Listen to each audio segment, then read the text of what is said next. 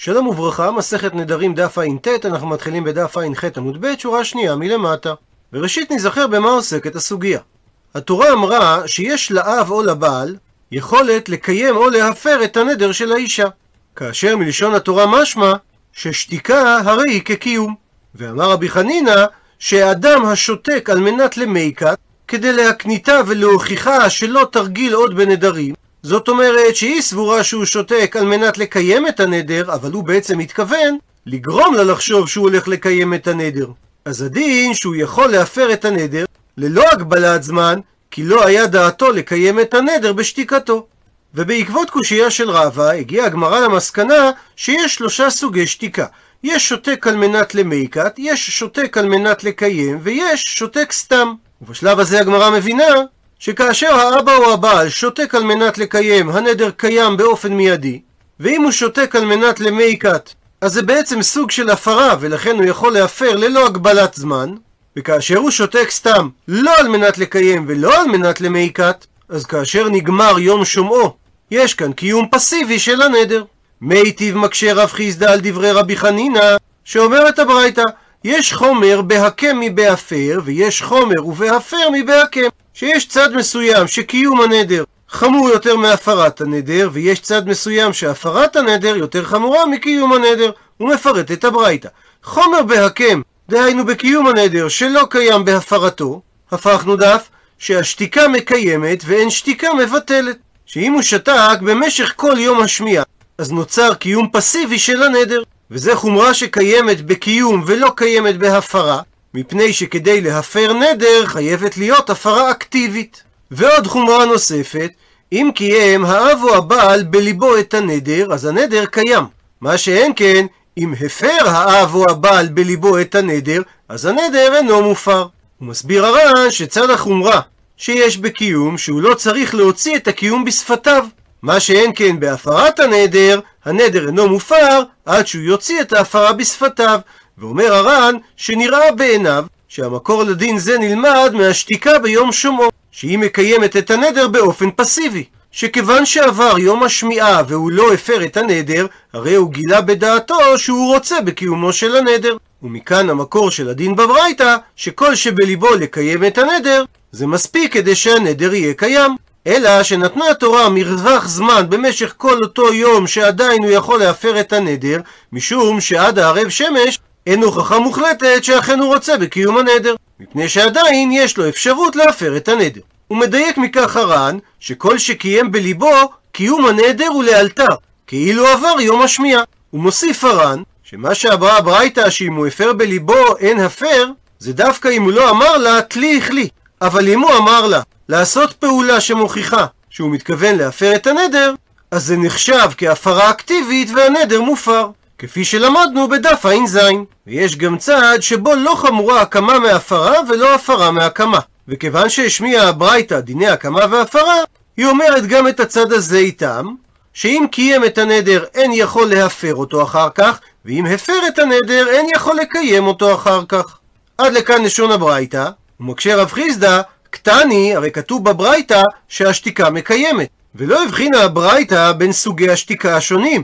מה אליו? אז האם הברייתא לא מדברת גם במקרה בשותק על מנת למיקת? שאפילו אם הוא שתק על מנת לקנטר אותה, במידה ועבר יום השמיעה, הרי השתיקה הזו מקיימת את הנדר. וקשה על רבי חנינא. דוחה הגמרא שלא מדובר בברייתא בשותק על מנת למיקת, אלא בשותק על מנת לקיים. כך שהנדר מקוים מרגע השתיקה. מקשה הגמרא, אבל אם כך, היינו קיים בליבו. יוצא שהברייתא אומרת את אותו הדבר בשתי צורות שונות. שפעם אחת אמרה שהשתיקה מקיימת והתכוונה לשותק על מנת לקיים, וחזרה הברייתא ואמרה קיים בליבו, שזה במילים אחרות שוב פעם שותק על מנת לקיים. אלא חוזרת בה הגמרא ומסבירה שהמילים שהשתיקה מקיימת מדובר בשותק סתם. ולפי ההסבר הזה אין סתירה על דברי רבי חנינא. ולפני שהגמרא ממשיכה להקשות על רבי חנינא, פותחת הגמרא סוגריים ושואלת אשכחן מצאנו את מה שאמרה הברייתא חומר בהקם מבהפר.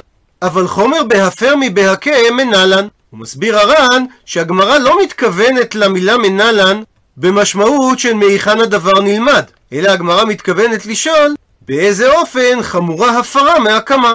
ועונה על כך אמר רבי יוחנן, נשאלין על ההקם ואין נשאלים על ההפר. שאם האבא או הבעל הקים את הנדר של האישה, הוא יכול להישאל עליו באותו יום שהוא שמע אותו אצל חכם ולהפר את הקיום. אבל אין נשאלים על ההפר, שאם הפר האבא או הבעל את הנדר של האישה, שוב אינו יכול להישאל עליו אצל חכם, והוא לא יכול לבטל את אותה ההפרה. וממשיכה הגמרא, מיטיב מקשה רב כהנא על דברי רבי חנינא. שדורשת הברייתא את הפסוק הבא, נקרא אותו בפנים. ואם החרש יחריש לה אישה מיום אל יום, והקים את כל נדריה או את כל עשריה אשר עליה, הקים אותם, כי החריש לה ביום שומעו. ואת המילים ואם החרש יחריש לאישה, דורשת הברייתא, בשותק על מנת למיקת הכתוב מדבר, ומברר את הברייתא. אתה אומר שמדובר בשותק על מנת למיקת, או אינו אלא בשותק על מנת לקיים. ומוכיחה הברייתא, כשהוא אומר כי החריש לה, אז הרי בשותק על מנת לקיים הכתוב מדבר, ששתיקתו זה על מנת לקיים את הנדר לאחר זמן. אבל אין דעתו שיהיה מקוים הנדר בשתיקה זו באופן מיידי, כי אם כך, לא מתקיימת האפשרות שהוא יכול להפר את הנדר במשך יום שומו. וממשיכה הברייתא, אז אם כך, מה אני מקיים את לשון הפסוק אם החרש יחריש לאישה, שמדובר בשותק על מנת למיקת הכתוב מדבר. ולפי דברי הברייתא, הפסוק סותר את דברי רבי חנינא, שהרי מדובר בשותק על מנת למיקת, ואמר הפסוק, והקים את כל נדריה. ומסיים את הגמרא, טיובתא, שמדברי הברייתא יש קושייה חזקה שדוחה את דברי רבי חנינא.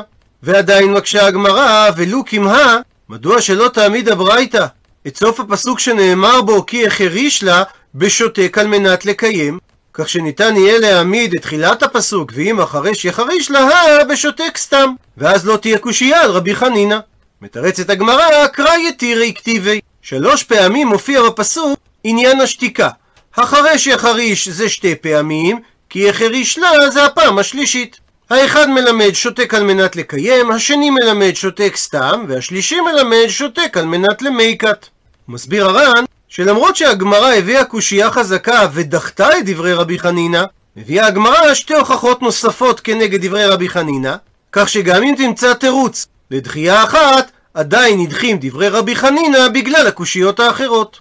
וכך מיטיב מקשה רבא מדברי המשנה בדף ע"ו נדרה אם חשכה, מפר לה עד שלא חשכה, שאם לא הפר וחשכה, אינו יכול להפר. והסבירה שם הגמרא, שהסיבה שהתירו לו להפר בשבת אפילו שלא לצורך השבת, שהרי היא נודרת ועוד רגע השבת כבר נגמרת, לפי שהשעה עוברת. ומקשה רבא עמי, מדוע אם הוא לא הפר וחשכה, אז שתיקתו נחשבת כקיום, והוא לא יכול יותר להפר את הנדר.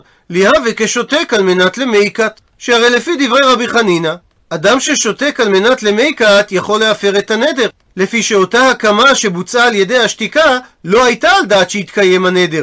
אז כל שכן בדברי המשנה בע"ו, שאמרו חכמים שאדם לא מפר נדרים שאינן לצורך השבת, אז לפי רבי חנינא הדין היה צריך להיות שהוא יוכל להפר בצאת השבת.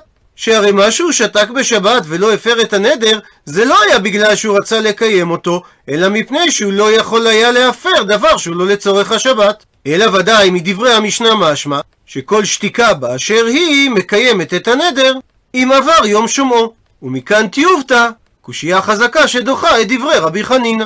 וממשיכה הגמרא, מיטיב, מקשה רב אשי את הקושייה השלישית שדוחה את דברי רבי חנינא, שאומרת המשנה בדף פ"ז, אם אמר הבעל או האבא, יודע אני שיש נדרים.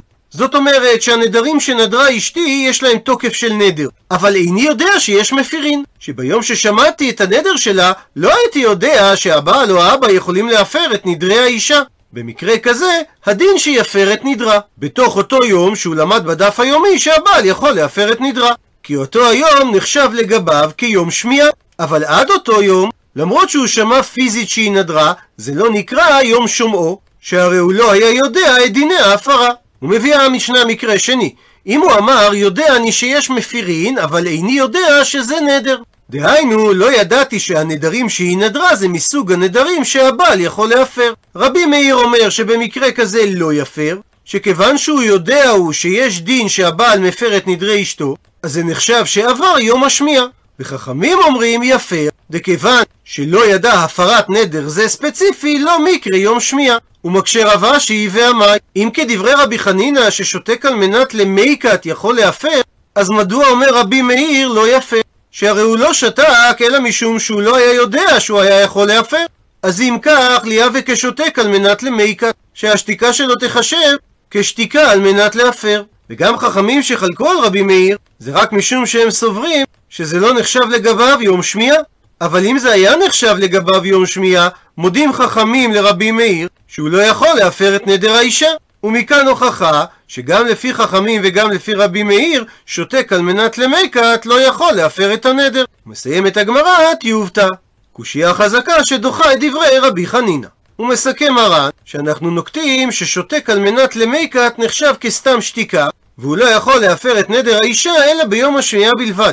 ואם הוא שותק על מנת לקיים לאלתר, אז שוב אינו יכול להפר אפילו בו ביום. בשעה טובה הדרן הלך פרק נערה מאורסה, ונתחיל את הפרק האחרון במסכת. ואומרת המשנה, ואלו נדרים שהוא מפר, דברים שיש בהם עינוי נפש. זאת אומרת, הנדרים שהבעל מפר לאשתו והאב מפר לביתו, זה נדרים שיש בהם עינוי נפש, כמו שכתוב בפסוק, לענות נפש, אישה יקימנו ואישה יפרנו. הוא מביא המשנה דוגמאות לדברים שיש בהם עינוי נפש, אם האישה נדרה, אם ארחץ ואם לא ארחץ, אם אתקשט ואם לא אתקשט. שסוגי הנדרים הללו גורמים צער לאישה, ולכן יכול הבעל או האבא להפר לה אותם. הוא מסביר הר"ן שהקישוט המדובר הוא קישוט הפנים, כגון כיחול ופיקוס, שמניעה של ענייני איפור וקוסמטיקה מהאישה זה עינוי נפש. הפכנו דף, חולק על כך, אמר רבי יוסי, אין הנדרים האלו נדרי עינוי נפש. שזה לא צער כזה גדול אם היא לא תתרחץ קצת. הוא מפרט רבי יוסי, ואלו הן נדרי עינוי נפש, כגון אם היא אמרה, קונם פירות העולם עליי, אז הדין במקרה הזה, הרי זה יכול להפר. אבל אם היא אמרה, קונם פירות מדינה זו עליי, אז אין זה נחשב עינוי נפש, שהרי הוא יכול שיביא לה ממדינה אחרת. ועל אותו עיקרון, אם היא אמרה קונם פירות חנווני זה עליי, זה לא נחשב עינוי נפש, ולכן אינו יכול להפר את נדרה, כי יכול להביא לה פירות מחנווני אחר. אבל, ואם לא הייתה פרנסתו אלא ממנו, שרק מהחנווני הזה הוא קונה, כי החנווני הזה מוכר לו בהקפה, והוא לא ימצא חנווני אחר שייתן לו בהקפה. ופעמים שאין לו מזומן, ואז נמצאת שהיא מתענה, אז הדין הרי זה יפר דברי רבי יוסי. ומעיר הר"ן שמסתבר שלרבי יוסי, גם כאשר היא נדרה מפירות מדינה שהיא דרה בה, הוא יפר את נדרה. כי זה לא שונה מהדין כאשר היא נדרה מחנווני שמוכר לו בהקפה. ומה שאמרה הברייתא יביאה ממדינה אחרת, זה מדובר שהיא לא נדרה מפירות המדינה שלה, אלא מפירות של מדינה אחרת. הוא מסיים את המשנה, אלו דברי רבי יוסי. והגמרא בהמשך תפרש למה המשנה חזרה וציינה שזה דברי רבי יוסי, למרות שהיא כבר אמרה קודם, אמר רבי יוסי. ועל מה שאמרה המשנה, ואלו נדרים שמפר, הוא מפרש את המשנה דווקא נדרים שבהם יש עינוי נפש, שואלת הגמרא, נדרי עינוי נפש הוא דמפר, אבל נדרים שאין בהם עינוי נפש אינו מפר? והתניא, והרי שנינו בברייתא על הפסוק נקרא בפנים, אלה החוקים אשר ציווה אדוני את משה, בין איש לאשתו, בין אב לביתו, בנעוריה בית אביה. שהפסוק הזה מלמד שהבעל מפר נדרים שבינו לבינה, שהרי לא ניתן להסביר שהפסוק מדבר על נדרים שיש בהם עינוי נפש, שהרי זה כבר נאמר מפורש לענות נפש. אלא הפסוק מלמד שהבעל מפר נדרים שבינו לבינה, ואם כך, מדוע אמרה המשנה שהבעל יכול להפר רק נדרי עינוי נפש? עונה הגמרא אמרי, אמרו על כך את התשובה הבאה: הלן והלן מפר, בין נדרי עינוי נפש, בין נדרים שבינו לבינה, יכול הבעל להפר. מי הוא? אמנם יש את החילוק הבא ביניהם, ולכן המשנה שנתה רק את נדרי עינוי נפש, כי נדרי עינוי נפש מפר הבעל לעולם. אבל נדרים שאין בהם עינוי נפש, אלא הוא מפר אותם בגלל שהם בינו לבינה, מפני שקיום נדרים אלה יכול להביא לידי איבה ביניהם, אז רק כדאית תחתי הווי ההפרה, כאשר היא נמצאת תחתיו, הכוונה כאשר הם נשואים, הוא יכול להפר אותם, מי מגרש לה, חי לה לה נדרה. וכאשר הוא מגרש אותה, חוזר הנדר וחל עליה. ומדגישה הגמרא, שזה דווקא בדברים שבינו לבינה, שאין בהם עינוי נפש, אבל בדברים שיש בהם עינוי נפש, גם כאשר הוא גירש אותה, לא חיל עלי נדרה. הנדר מופר והוא לא חוזר וחל עליה. ובגלל ההבדל הזה, המשנה אמרה רק את הנדרים שיש בהם עינוי נפש. מקשה הגמרא, ודברים שאין בהם עינוי נפש, כי מגרש לה חיילה לה? האם כאשר הוא יגרש אותה, הנדרים יחולו עליה חזרה? ואתנן, והרי שנינו במשנה בדף פ"ה, הוא מביא הר"ן לתחילת המשנה. אישה שאמרה לבעלה, קונם שאני עושה על פיך, אז אין הבעל צריך להפר את הנדר, שהרי היא משועבדת לו, ונתנו חכמים כוח חזק לשעבוד הבעל, שלא יפקיענו הקונם של האישה. רבי יוחנן בן נורי אומר, שגם במקרה כזה יפר הבעל את הקונם, שאם לא יפר, אז יש חשש שמא יגרשנה ואז יחול הנדר, ותהא אסורה לחזור לו. וכדי להימנע מזה, אומר רבי יוחנן בן נורי שיפר לה את הנדר. עד לכאן לשון המשנה, עלמא זאת אומרת מסיקה הגמרא, כי מגרש לה ומפר לה מעיקר אביה הפרה. שלפי רבי יוחנן בן נורי, אם הוא מפר לה את הנדר, הנדר לא יחול אחרי הגירושין. והרי מדובר פה שהיא הדירה אותו ממעשה ידיה, וזה לא עינוי נפש, אלא דברים שבינו לבינה. ובכל זאת ההפרה לא מתבטלת אפילו לאחר הגירושין. ולכן חוזרת בה הגמרא מהתירוץ שהיא אמרה, אמרי ואמרו תירוץ אחר, הלן והלן הביא הפרה. בין אם מדובר בנדרי עינוי נפש, בין אם מדובר בנריב שבינו לבינה, הפרת הבעל תופסת גם לאחר הגירושין. אלא הסיבה שהמשנה אמרה רק נדרים שיש בהם עינוי נפש, בגלל ההבדל הבא, שנדרי עינוי נפש מפר בין לעצמו ובין לאחרים. כלומר, הפרת הבעל תופסת גם בזמן שהיא ראויה לעצמו של המפר, שזה גם כאשר היא נשואה לו, וגם כאשר היא התגרשה ועדיין לא נישאה לאחר, כך שהוא יכול לחזור ולהתחתן איתה. ובין לאחרים, שאפילו כאשר הוא גרשה ונישאת לאחר, חלה הפרה בנדרי עינוי נפש. אבל נדרים שאין בהם עינוי נפש, אלא שהוא מפר אותם בגלל שזה דברים שבינו לבינה, אז כאשר לעצמו הוא מפר, לאחרים אינו מפר. שכיוון שהיא נישאת לאחר, אז בטלה ההפרה שהפר הבעל הראשון את הדברים שבינו לבינה, וחל הנדר עליה חזרה. והכי קטני, ועל פי זה כך צריך לקרוא את המשנה, אלו נדרים שהוא מפר בין לעצמו ובין לאחרים, נדרים שיש בהם עינוי נפש. עד לכאן דף ע"ט.